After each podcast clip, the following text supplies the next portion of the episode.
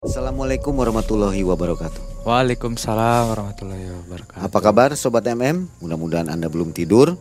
Malam hari ini kami akan mengantarkan kisah nyata kembali kepada Anda. Dan ini adalah kisah yang banyak terjadi di kehidupan kita. Apa kabar Bang Reno? Alhamdulillah sehat Mang. Kisah yang malam ini yang akan diceritakan Bang Reno adalah kejadian ketika perusahaan keluarga Bang Reno ini Mengalami hampir mengalami kebangkrutan Mang Ei. mengalami kebangkrutan ya. Ya betul. Katanya dikerjai orang ya, Ya eh, kawan bisnis juga. kon bisnis juga. Ya hitungannya kecemburuan sosial lah. Biasa kan per- persaingan bisnis Mang Ei. Itu apa yang dirasakan oleh perusahaan sampai tahu bahwa ini dikerjai orang. Itu drastis pendapatan pemasukan di perusahaan itu betul-betul anjlok Mang Ei. nggak lu nggak normal gitu ya bukan tak normal lagi. Bahkan sudah mau, mau ada niatan rencana mau ditutup. Mau tutup perusahaan. Semua aset perusahaan itu sudah hampir mau dijual semua. Tapi tiba-tiba muncul pemikiran untuk berobat istilahnya. Ya pada saat waktu itu saya sempat bertukar pikiran dengan bapak saya. Ini saya bilang pemasukan saya beberapa bulan ini mele- bukan dah stabil lagi pak. Sudah anjlok betul-betul. Pemasukan itu boleh dikata sudah diambang kebangkrutan bang eh. ya. Kisah tahun 2020 berarti masih baru ya? Sekitar 2020 sebelum saya menikah pada saat waktu itu. Dan ini adalah tempat bekerjanya Bang Reno Iya sekarang? di perusahaan di perusahaan keluarga saya sendiri yang saya rintis ini. Sekarang masih bekerja di sini? Alhamdulillah masih bang eh. oke baiklah sobat MM semoga semua dalam keadaan sehat walafiat kita dengarkan kisah dari Bang Reno silakan Bang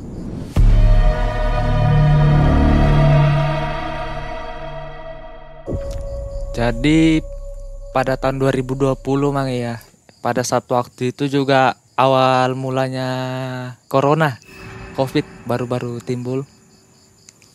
Jadi kan saya ini bekerja di perusahaan ekspedisi alat eh, jasa angkut alat berat. Ya pada saat waktu itu untuk untuk menyaingin persaingan bisnis ekspedisi ini lumayan cukup bersaing mang eh. Betul-betul bersaing ketat ya ketat kita lengah sedikit aja atau kita kecolongan sedikit aja itu bisa mempengaruhi ke semua pemasukan selama dua bulan berturut-turut setelah covid beberapa bulan setelah covid di awal tahun 2020 itu perusahaan saya yang jalanin yang saya jalanin ini betul-betul anjlok mangi bahkan boleh dikata itu sudah mau mau tutup. Tapi ya namanya dalam keadaan pandemi ya saya maklumin lah. Biasa kan kalau pengiriman barang itu kita dalam satu minggu itu ada lah satu atau dua. Biarpun krisisnya seperti apa ini betul-betul jangankan satu selama satu minggu selama dua bulan berturut-turut itu bisa bisa dihitung jari mangi di situ saya merasakan sebuah kejanggalan lalu itu ada sesosok makhluk yang sering menghantui saya di setiap malam-malam saya itu selama dua bulan itu. Jadi dari situ saya beranggapan bahwa ini perusahaan ini bukan cuma efek dari pandemi. Di luar daripada efek pandemi, campur tangan orang lain ada ternyata, Mang. Jadi pada saat waktu itu saya bertukar pendapat lah, tukar pikiran sama bapak saya. Saya ceritakan kejadian saya ini. Perusahaan saya ini sudah goyang terlebih lagi ini kan perusahaan dari kakek saya ini kan Mangi saya yang lanjutkan juga. Jadi dampak ke semua otomatis kan ke keluarga paling tidak salah satu keluarga saya itu ada yang kasih masukan. Seperti apa seperti apa. Jadi bapak itu sempat ngasih sa ngasih saya saran. Jadi bilang bapak itu ada coba begitu itu berobat ke wilayah Kalsel. Karena kan bapak kan asli Kalimantan Selatan Banjarmasin. Bapak saya menyarankan itu ada bilangnya Habib pokoknya Habib di sana itu kan hitungannya wilayahnya guru sekumpul itu termasuk guru bapak saya juga guru agama lah bisa dibilang kan beliau itu aliran putih bukan aliran yang hitam aliran yang baik lah untuk kebaikan jadi saya di ke sana dikasih alamat. Jadi perjalanan itu dari Balikpapan Kalimantan Timur tuh menuju ke Banjarmasin pada waktu ke Kalimantan Selatan. Itu memakan waktu itu kurang lebih 12 jam itu. Sudah termasuk istirahat. Pokoknya jalan santai lah itu kan. Nah kejadian awalnya itu yang mulai tidak enak itu pada saat kan dari Balikpapan ini kan ke Penajam dulu itu melakukan penyeberangan dari Balikpapan Balikpapan Peri Karyangau ke Peri Penajam nyebrang itu menggunakan kapal peri dari Peri itu Penajam itu kita melanjutkan lagi perjalanan ke Banjarmasin. Itu banyak melalui daerah-daerah yang boleh dikata ya sangat-sangat angker lah.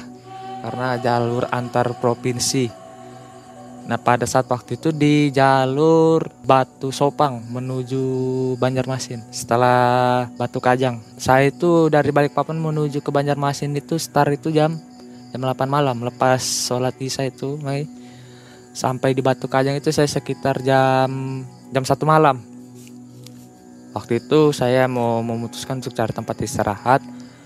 Cuma dalam keadaan tidak mendukung, tidak mendukungnya itu di daerah Batu Sopang itu tidak ada warung baru kiri kanan ini perumahan sepi lah pokoknya melalui jalan itu beberapa, beberapa kilo habis itu memasuki wilayah hutan. Nah di wilayah hutan itu saya sudah mulai tidak enak.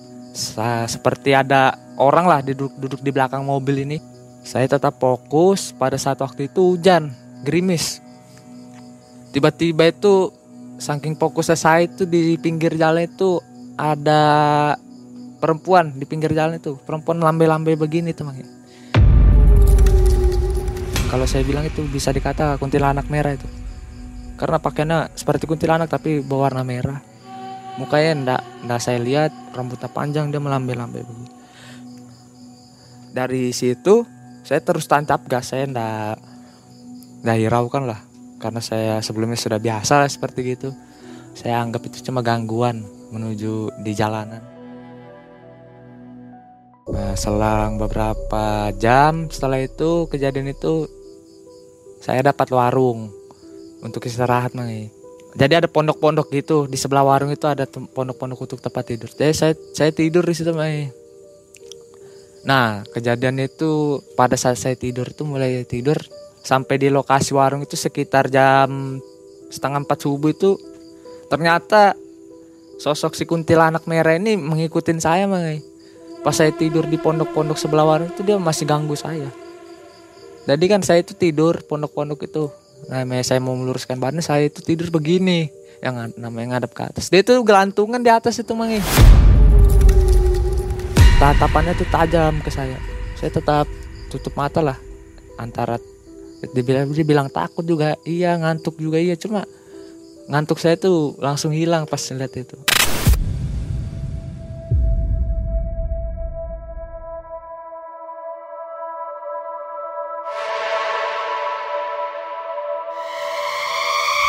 sampai lepas sholat subuh saya sholat subuh baru melanjutkan perjalanan sekitar 7 jam lagi lah perjalanan dari Batu Sopang itu menuju ke Banjarmasin. Cuma lepas dari Banjarmasin saya melanjutkan perjalanan pas memasuki wilayah perbatasan antara Kalimantan Timur dengan Kalimantan Selatan. Jadi pada saat waktu itu saya masuk perbatasan itu saya stop karena kan banyak warung. Untuk sarapan pagi saya di situ sekitar jam 8 atau jam 9 pagi. Saya sarapan, saya pesan mie pada saat waktu itu Mai.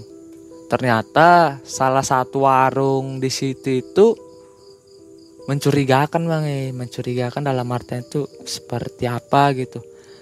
Saya berpikir ini mungkin entah sosok gangguan dari kuntilanak merah yang sebelumnya yang ngikut saya atau gimana. Pokoknya pandangan saya pada saat waktu itu mie yang saya makan itu berubah jadi cacing itu Bang. Itu warung biasa itu bang. Cuma antara saya masih berpikir ini gangguan makhluk yang tadi malam ikut saya atau itu dari warung tersebut tapi saya nggak tahu persis. Itu nggak saya makan itu bang. Saya pesan pesan lagi tapi bukan mie malah merupakan nasi nasi campur lah. Nggak ditanya ke pelayannya kenapa nggak. kok berubah jadi cacing? Enggak enggak saya enggak nanya. Saya takut menyinggung perasaannya itu kan mang. Saya menjaga perasaannya lah. Namanya mungkin ya, Kalimantan ini kayak mana ya? Mungkin banyak lah warung-warung seperti itu. Cuma yang saya takutkan itu nanti saya malah jadi sasarannya lagi kan. Jadi saya cukup diam aja. Mie itu enggak saya makan saya tetap lanjutkan makan. Alhamdulillah sih bang. Pas makan itu nah normal lah. Baru saya pamit ke toilet. Toiletnya itu dari warung itu ke belakang itu agak jauh sekitar 20 meter. Mam toilet itu masuk hutan. Baru toiletnya itu kalau dibilang itu boleh dikata udah terurus itu bang. Saya masuk situ saya buang air kecil. Pas saya buang air kecil itu pas keluar dari toilet itu di depan pintu toilet itu ada ular. Gede ular emang. Segede paha orang dewasa itu. Ngalangin saya supaya tidak keluar. Tapi sambil jalan saya tungguin ular itu. Saya maklum juga lah saya tidak berpikir yang ke situ dulu karena saya bilang ah wilayah hutan kan.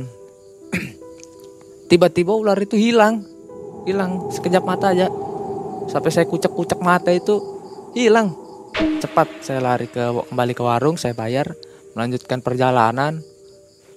Setelah itu saya lanjutkan ke Banjarmasin. Pada saat waktu itu jam 9 pagi sekitar jam 1 siang itu sudah sampai yang di Banjarmasin.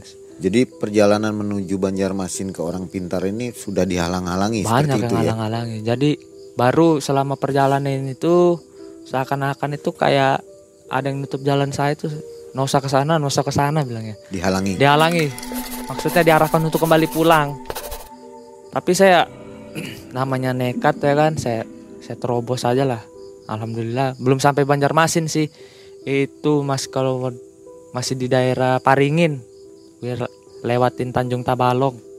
Sampai ke sana saya ke alamat tertuju itu tempat si abah guru tadi ini kan. Kalau orang Banjar bilang kan abah bapak. Bapak kalau orang Banjar. Si abah namanya itu kita kasih nama samarnya Abah Ahmad lah. Saya sampai ke lokasi ke rumah beliau pada saat waktu itu tamu itu ramai memang singkat cerita tibalah ketemuin si Abah Ahmad ini kan. Abah Ahmad ini langsung bilang dari mana nak? Saya saya kenalkan, perkenalkan diri saya Renol Pak. Anaknya ini nama bapak saya, nama bapak saya Jasran. Ini nama saya anaknya Pak Jasran. Oh, iya iya tahu saya itu murid saya dia bilang kan. Hitungannya pernah lah saya bantu sering berobat saya. Hmm, gimana? Apa kendala? Jadi saya ceritakan itu bang, bang eh, gini bah ini perusahaan saya ini uh, apa kayak anjlok pemasukan. Ini ya semua perusahaan juga seperti itu bilangnya karena pak masa ini masa pandemi dan bilang. Tapi ada yang janggal janggal bak. Janggalnya seperti apa setiap malam itu ada terus sosok-sosok orang halus yang gangguin saya. Saya bilang seperti itu. Sosok-sosok halus itu seperti apa? Ya boleh dikata itu besar tinggi orangnya. Baru kalau setiap saya ngelihat itu dia itu sosok tinggi itu mau menatap saya. Seakan-akan mau mencekik saya teman.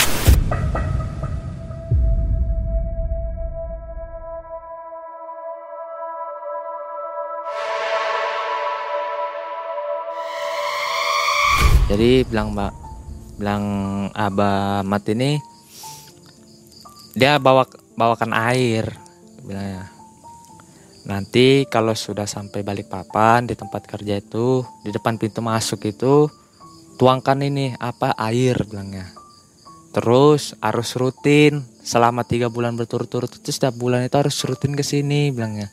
Nanti bulan ke bulan kedua dia bilang ke sini itu nanti saya mandiin bilangnya, karena saya lihat ini aura muna ada yang nutup bilangnya. Terlebih lagi usahamu bilangnya kan. Maksud saya saya bilang tidak bisa langsung sekarang kak. Saya bilang untuk mandinya itu kan mang. Nggak bisa kalau yang mau begitu itu dia perlu bertahap. Jadi selama tiga bulan berturut-turut itu setiap bulan itu harus rutin ke situ tempatnya si Aba si Aba Amat ini. Ya terus saya itu dikasih minyak harum itu mangi ini dipakai aja bilangnya. Kalau orang Banjar tuh kayak minyak itu minyak apa ya? Minyak boleh dikata minyak penarik aura lah pembuka aura kan. Dipakai di mana gimana nih bah jadi itu dipakai gimana itu minyak itu dioleskan di jari manis baru dipakai begini. Sama seperti baru di, ditaruh di alis begini. Itu tata caranya sama seperti pakai minyak bulu perindu. Kalau orang Kalimantan tahu pasti minyak bulu perindu juga seperti itu. Terus dioles di sini bilang itu insya Allah bilangnya terbuka lah auranya kan insya Allah juga uh, usahanya itu setelah disiram itu nanti pelan-pelan itu ketahuan kok siapa orangnya. Cuma harus sabar bilangnya banyak doa banyak sholat banyak ikhtiar bilangnya saya sempat dipesanin kalau ada uang lebih bilangnya jangan lupa daratan bilangnya ingat sedekah biarpun tidak setiap hari paling tidak setiap Jumat. Biarpun tidak setiap Jumat paling tidak sebulan sekali. Ya saya langsung ngena lah di situ mangi seakan-akan ditampar lah hitungannya kan. Ditampar secara halus. Betul aja sih bilangnya si Abah Mat ini. Saya itu kalau mau dibilang tidak pernah sedekah apa biarpun uang itu ada. Mungkin kurangnya dari situ. Nah kalau pas perjalanan pulang singkat cerita dari dari dari rumahnya Abah Mat ini ke baik papannya alhamdulillah sudah tidak ada halangan mah lancar. Jadi setiap pas saya turun kantor itu setiap bulan pas pulang dari Banjar Banjarmasin tempatnya Ahmad itu saya siram lah. Itu saya dianjurkan itu sebelum sesudah subuh sama sebelum maghrib disiram itu. Pokoknya kalau airnya itu bilang tinggal sedikit tambahin lagi. Pokoknya harus cukup satu bulan tinggal sedikit tambahin lagi. Nanti kalau sudah terakhir pas mau ke sini habiskan sudah bilang kan.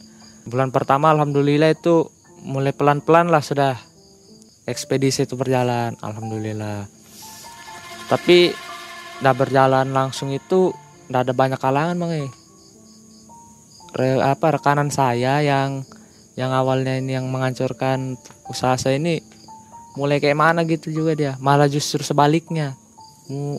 Pengiriman barang yang melalui dia itu malah sepi. Saya pada saat waktu itu belum belum apa ya belum belum connect kalau ternyata dia itu yang kasih ilmu jelek ke saya kan? Belum curiga. Belum curiga saya belum ada timbul kecurigaan kalau dia. Jadi yang biasanya saya minta muatan ke dia malah justru terbalik. Dia minta muatan ke saya.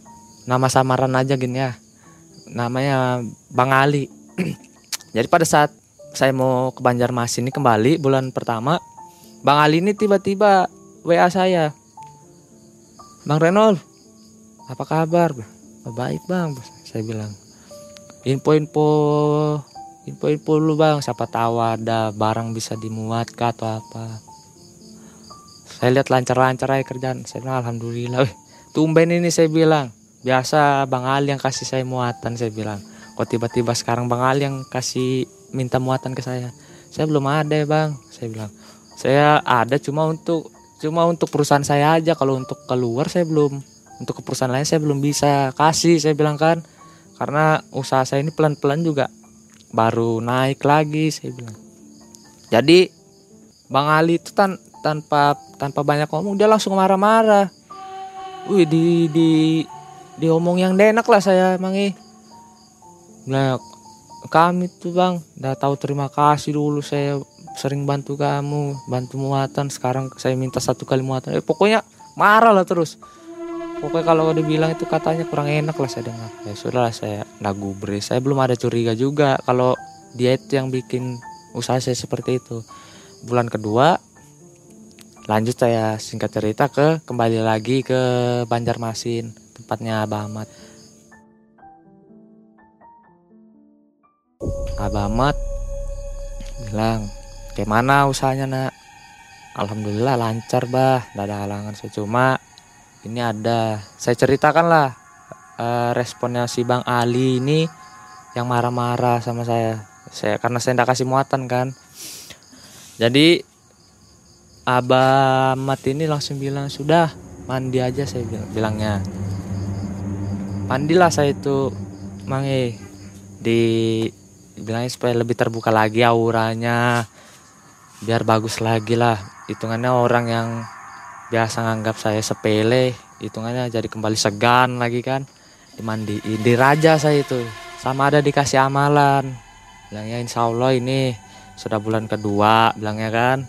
Bulan kedua ini berlanjut lah bilang kalau orang Banjar bilang berlanjut lah nanti kan bulan esok kembali lagi bilangnya bulik lagi hendak ke rumah abah sini bilangnya Iba saya perjalanannya itu baik pergi maupun pulang dari Balikpapan ke Banjarmasin atau Banjarmasin ke Balikpapan itu tidak ada halangan bang ya? Alhamdulillah. Nah pas bulan kedua ini alhamdulillah naik lagi pelan-pelan. Semangat lah saya bang ya. Tiba-tiba Bang Ali ini yang awalnya marah sama saya dia tiba-tiba berani datang ke kantor temuin saya. Yang awalnya Bang Ali itu orangnya kalau mau dibilang pakaiannya boleh lah.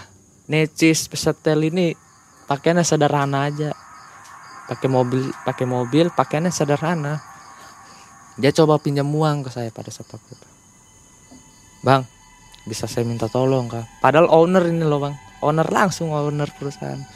Bisa bisa apa yang bisa saya tolong bang? Saya bilang nah saya perlu perlu dana dia bilang untuk nutup gaji karyawan saya. Dia bilang kan karena perusahaan perusahaan saya ini betul-betul anjlok bang saya bilangnya perlu dana berapa? Ada satu waktu itu dia pinjam uang itu 250 juta bang saya tidak sanggup bang bukan tidak sanggup apa kalau andai kata saya meminjamkan sementara perusahaan saya baru mulai aktivitas kembali ya boleh dikata bisa. Cuma yang saya takutkan ini tidak ada pegangan nanti untuk di perusahaan saya untuk seperti gaji, spare part, kebutuhan yang lain-lain kan saya harus siapkan dana itu sebelumnya. Hitungannya dana darurat lah ya kan? Terus Bang Ali itu berani menjaminkan armadanya itu untuk hitungannya digade lah. Gade aja mobil saya. Dua tronton pada waktu itu. Eh dua puso dua puso bukan dua tronton dua puso yang enam roda itu. Kalau orang orang baik papan itu bilang dua long bed Nah berani saya bang, saya bilang pinjam aja ke lain. Marah-marah lagi di situ mangi. Di situ saya tuh sempat mau dipukul sudah. Baru mau dikeluarkan, mau ditikam saya pada saat waktu itu. Cuma banyak yang lerai. Nggak ada yang berani. Saya bilang, Bang Ali ini kenapa saya bilang kok tiba-tiba marah gara-gara kamu bilang ya perusahaan saya sepi sepi muatan apa pokoknya saya dimaki-maki mah ya saya bilang saya kerasukan setan ke orang ini atau apa. Pada saat itu saya belum curiga kalau ternyata pelakunya dia itu. Belum belum ada rasa curiga. Saya telepon si abah mat ini. Pas mau bulan ke masuki bulan ketiga lah. Abah amat bah saya bilang eh Ikam ndak anu kah? Mau ke Banjar lah. Lah ya itu maksud kalau orang Banjar kamu ndak ke sini kan ndak ke Banjar kan ke rumah Abah. Ya minggu depan bah ini sudah masuk bulan ketiga kada boleh terlambat bilangnya jadi ya kalau bisa esok atau lusa bilangnya ya, jadi saya atur waktu dulu lah mang supaya bisa kan. Alhamdulillah bisa saya atur waktu. Perjalanan ke sana itu bagus sebenarnya bagus. Sampai ke sana itu saya ceritakan sama Abah Ahmad bah itu airnya alhamdulillah selama disiram itu adalah perkembangan terus sudah adalah tanda-tandanya pelakunya siapa yang bisa yang mencurigakan. Itu ada itu yang nanam sesuatu itu bilangnya di situ untuk nutup rezekinya perusahaan itu supaya supaya hancur dia bilang. Jadi saya ceritakan lagi lah masalahnya Bang Ali yang datang marah-marah. Itu sudah bilangnya pelakunya. Saya masih belum percaya. Itu sudah tanda-tandanya yang dia awalnya dia berniat seperti itu kembali niatnya itu kembali lagi ke dia gitu loh. Dia yang nutup rezekinya orang kembali lagi. Dia yang tertutup rezekinya dia bilang. Tapi bilangnya Abamat saya walau alam naya abah kada bisa mendahului Allah bilangnya. Mungkin aja lain daripada itu. Cuma kalau dari caranya abah lihat si Ali ini bilangnya jadi saya pas pulang itu sempat memang dipesanin abah abah Ahmad ini. Pulang itu hati-hati bilangnya. Nanti kalau misalnya pas waktu perjalanan pulang si sholat isya singgah dulu sholat dia bilang. Kenapa bah? Sudah kada usah banyak tanya bilang ya mas maksudnya usah banyak tanya. Ikutin aja omongan abah. Ini abah air niatkan nanti pas pulang ini siram air ini keluar apa yang di, di anunya dilakukannya di situ di perusahaan nikam bilangnya ya kan pas sholat isya pulang pas perjalanan pulang saya sholat isya mangi sambil itu sudah bulan ketiga alhamdulillah sudah tiga bulan tiga bulan berturut-turut saya sudah sudah rutin ke sana kan. Pas sudah sholat isya saya itu singgah di gunung rambutan di daerah Batu Kajang sholat isya di langgar situ di masjid baru sekitaran dua jam itu saya ngopi santai lah. Luruskan badan apa dulu kan hilangkan ngantuk tidur tidur sebentar. Pas jam 12 malam mata saya itu sudah enak lah. Perjalanan pulang saya lanjutkan karena istirahat saya sudah cukup lah. Jadi sampai balik papan itu paling tidak pagi. Kalau dari Batu Kajang ke balik papan itu masih lima jaman lah perjalanan pulang daerah Gunung Rambutan itu hutan. Lewatin warung itu hutan melulu itu nah di situ itu jam 12 malam itu sudah hujan rintik-rintik gerimis sedikit.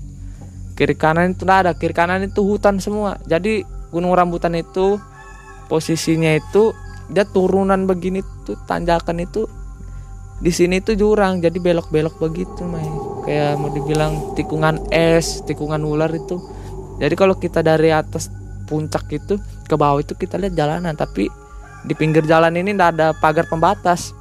Nah lewat lewatin itu keluar lewat simpang 4 mau masukin tanah grogot belok kiri ke arah penajam. Beberapa kilo melewatin itu setelah keluar dari simpang situ saya tertuju sama barang di tengah jalan itu tiba-tiba timbul di depan mobil saya itu. Saya kasih lampu dim barang itu kayak semacam keris. Saya tim saya dapat itu. Saya kasih lampu dim saya tengok nada nada tidak ada pengendara kiri kanan. Pada saat pada saat itu keadaan itu sepi tidak ada kendaraan yang lalu lalang. Jadi saya nekat turun dari mobil saya ambil keris itu. Keris yang saya dapat di tengah jalan itu saya ambil saya taruh di kursi samping saya lanjutkan perjalanan.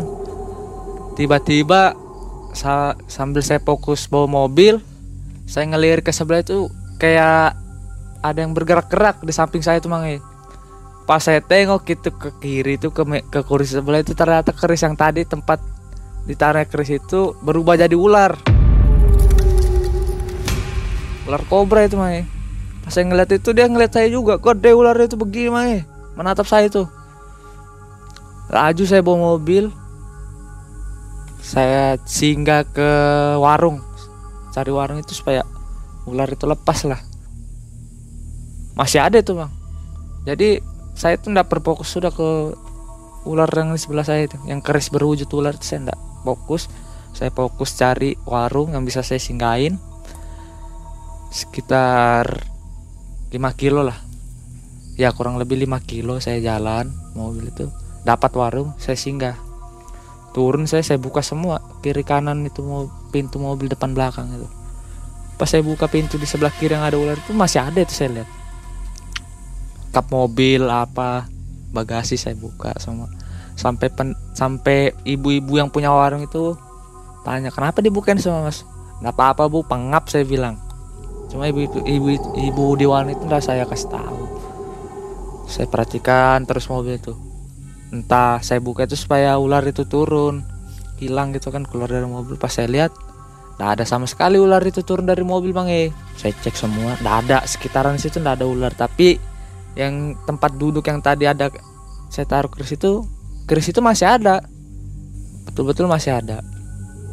Eh saya minum kopi sekitar satu jam lebih lah saya di warung itu. Saya pulang. Izin pam dari warung bu saya lanjut bu ya. Mau ke mana mas? Saya mau arah balik-balik papan. Saya bilang ya hati-hati. Kondisi jalan basah habis hujan kan gerimis pas perjalanan pulang itu tiba-tiba itu saya lanjut bawa mobil keris itu jadi ular lagi mang ya. Saya bilang kalau memang mau digigit digigit saya bilang. Cuma saya tetap fokus saya yang penting sampai sudah. Nggak mau lagi sudah saya singgah singgah Bersuara itu ular, bersuara? Mendesis. mendesis melihat ke saya cuma anda bergerak. Pas saya fokus itu dia baru bergerak. Tapi dia nggak nyerang ya. nggak nyerang. Otomatis kan kalau ular yang biasa itu nyerang. Ini enggak mai saya dairaukan aja. Saya setel musik lagu-lagu solawat saya dengar. Baru tiba-tiba jadi keris lagi. Alhamdulillah sampai pelabuhan penajam penyeberangan PR itu dia enggak berubah lagi kan kalau orang yang dulu itu sempat juga dia bilang kalau apa-apa ketemu jalan itu ambil aja. Saya ingat itu kata-kata orang tua orang-orang tua dulu kalau nemu jalan begitu mana tahu itu pusaka atau apa. Saya berpikiran seperti itu. Ternyata itu nggak cocok sama saya. Keris ini. Pulang alhamdulillah sampai rumah. Selamat nggak ada nggak ada halangan cuma ya keris itu aja lah tadi halangan saya keris itu masih di mobil saya nggak bawa turun dulu ke rumah. Parkir di garasi. Pas besok saya mau turun turun kembali ke kantor tiba-tiba pas saya buka itu mau dipanasin mobil keris itu lo anu jadi ular lagi. Ular itu langsung ngompat keluar mobil. Spontan saya kaget saya kan ular ke- panjang mangai kalau bisa, bisa dibilang sekitar 8 meter sampai 10 meter itu ular, ular itu be, be- be- anu berdiri lagi cuma dia lihat nengok-nengok kiri kanan gitu kan saya diamin aja lah saya tetap pak fokus ke mobil aja untuk panasin sebelum turun Itu ke mana ular larinya? Enggak, di situ aja. Di luar mobil itu, di bawah mobil tapi saya keluar dari mobil di halaman depan rumah saya begini-gini ular. Nah, lama itu jadi lagi keris. Pas jadi keris itu saya enggak, enggak perhatikan. Saya lihat lagi, tiba-tiba jadi keris. Eh takutlah kenapa-napa. Saya taruh lah di dalam rumah. Saya taruh di dalam lemari saya mangai. Nggak langsung dibuang aja. Belum, belum ada kepikiran pada saat waktu itu. Jadi pas kejadian itu saya turun kerja. Alhamdulillah pekerjaannya naik. Nah, yang pas saya habis mau pulang kerja itu sebelum maghrib itu saya siram itu air yang dari abah mati itu. Itu harus dihabiskan saya bilang ya. Satu botol itu harus habis. Ah, saya lanjut sholat sholat maghrib. Habis sholat maghrib tuh saya kembali lagi. Di situ tuh tempat depan pintu itu yang saya siram itu bau busuk itu mangi sampai security saya bilang mas bau apa ini mas? Bau busuk. Cuma bilang ini bau busuk ini pas baru-baru aja.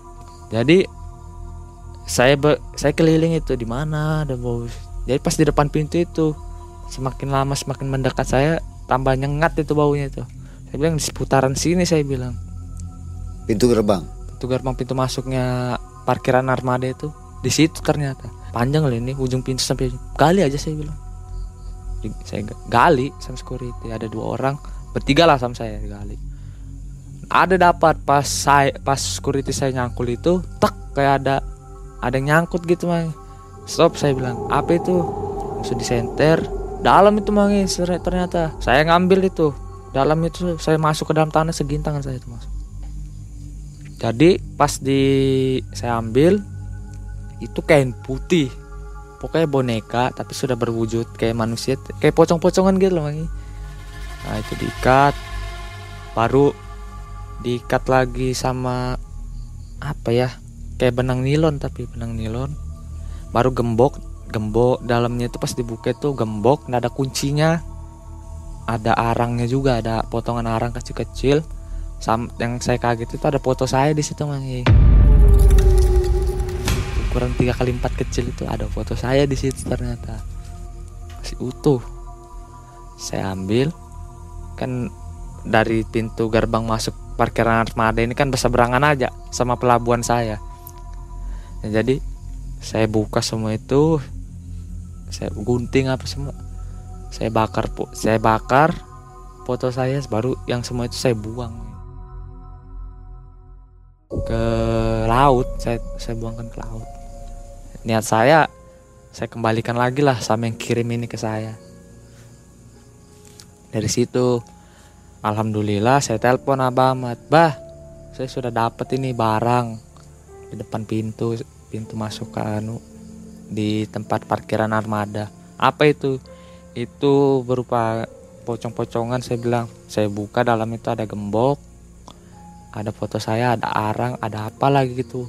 Yang salah satunya itu yang bikin timbul bau busuk itu kayak daging kecil sudah hitam itu yang bikin bau busuk. Itu sempat saya pegang baru pas saya pegang itu belendir-lendir tuh bang.